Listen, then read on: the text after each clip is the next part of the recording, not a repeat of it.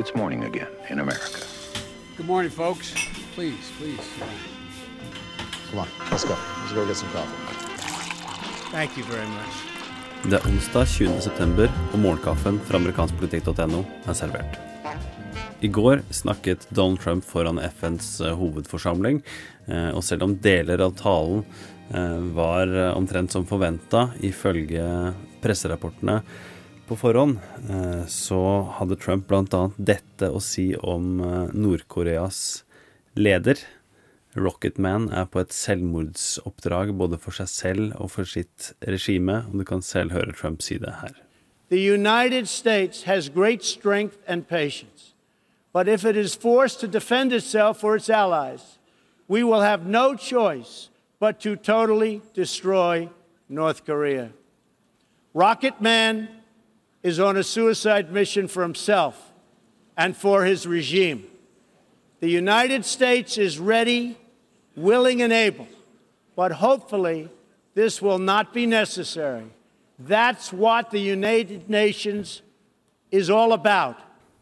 Trump ymtet frampå i den talen om at USA kan komme til å trekke seg fra Iran-avtalen. Eh, så får vi se hvordan det går. Eh, men da i tillegg til å ha talt foran FN, truet Nord-Korea eh, og da snakket om Iran-avtalen på, på, denne måten, så avslutta Donald Trump kvelden med å tvitre om Emmy-utdelingen. Og han skriver da at han var trist over å se hvor dårlige ratinger de fikk. Eh, verste noensinne, skriver han. Eh, og så skriver han da at de smarteste menneskene er the deplorables. Han hinter vel da fram på at de ikke gadd å se på en utdeling der eh, Donald Trump fikk en Emmy.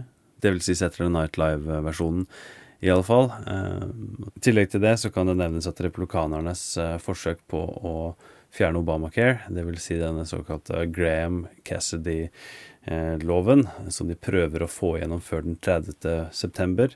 Eh, så for kun å benytte seg av republikanske stemmer. De kan maks miste to. Eh, og litt bakgrunn her til litt lydklipp jeg skal spille, er at senator Bill Cassidy, republikaneren fra Louisiana, tidligere deltok på Jimmy Kimmels show for å snakke om helsereform etter at Kimmels sønn gjennomgikk en dyr hjerteoperasjon.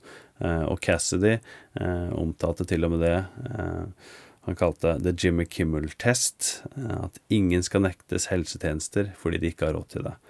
Veldig kort oppsummert. Eh, han fikk da mye ros og oppmerksomhet, men innholdet i den helsereformen som han nå eh, prøver å få gjennom, sammen med Graham og andre replikanere, inkludert Det hvite hus, er at det nye reformforslaget da ikke inneholder punktene han sa seg enig med Kimmel om den gang. Så Jimmy Kimmel er ikke fornøyd, og i går så sa han rett ut at Cassidy løy til ham, eh, gikk gjennom hvorfor det er tilfellet, eh, og sa da at senatoren skal slutte å bruke navnet hans, og at han har en ny Jimmy Kimmel-test, og det er en løgndetektortest. Verdt å se hele klippet eh, i sin helhet, i likhet med Trumps FN-tale. Begge disse klippene ligger i dagens utgave av Morgenkaffen, som er servert av Lene Marita Berg Herman og undertegnede Are Togflaten. Du abonnerer ved å gå til ampol.no kaffen. Her hører du noen utdrag fra Jimmy Kimmel i går, og så snakkes vi i morgen.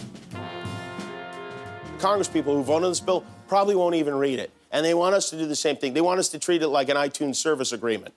And this guy, Bill Cassidy, just lied right to my face. Do you believe that every American, regardless of income, should be able to get regular checkups, maternity care, etc., all of those things that people who have health care get and need? Yep. So, yep is Washington for nope, I guess. and I never imagined I would get involved.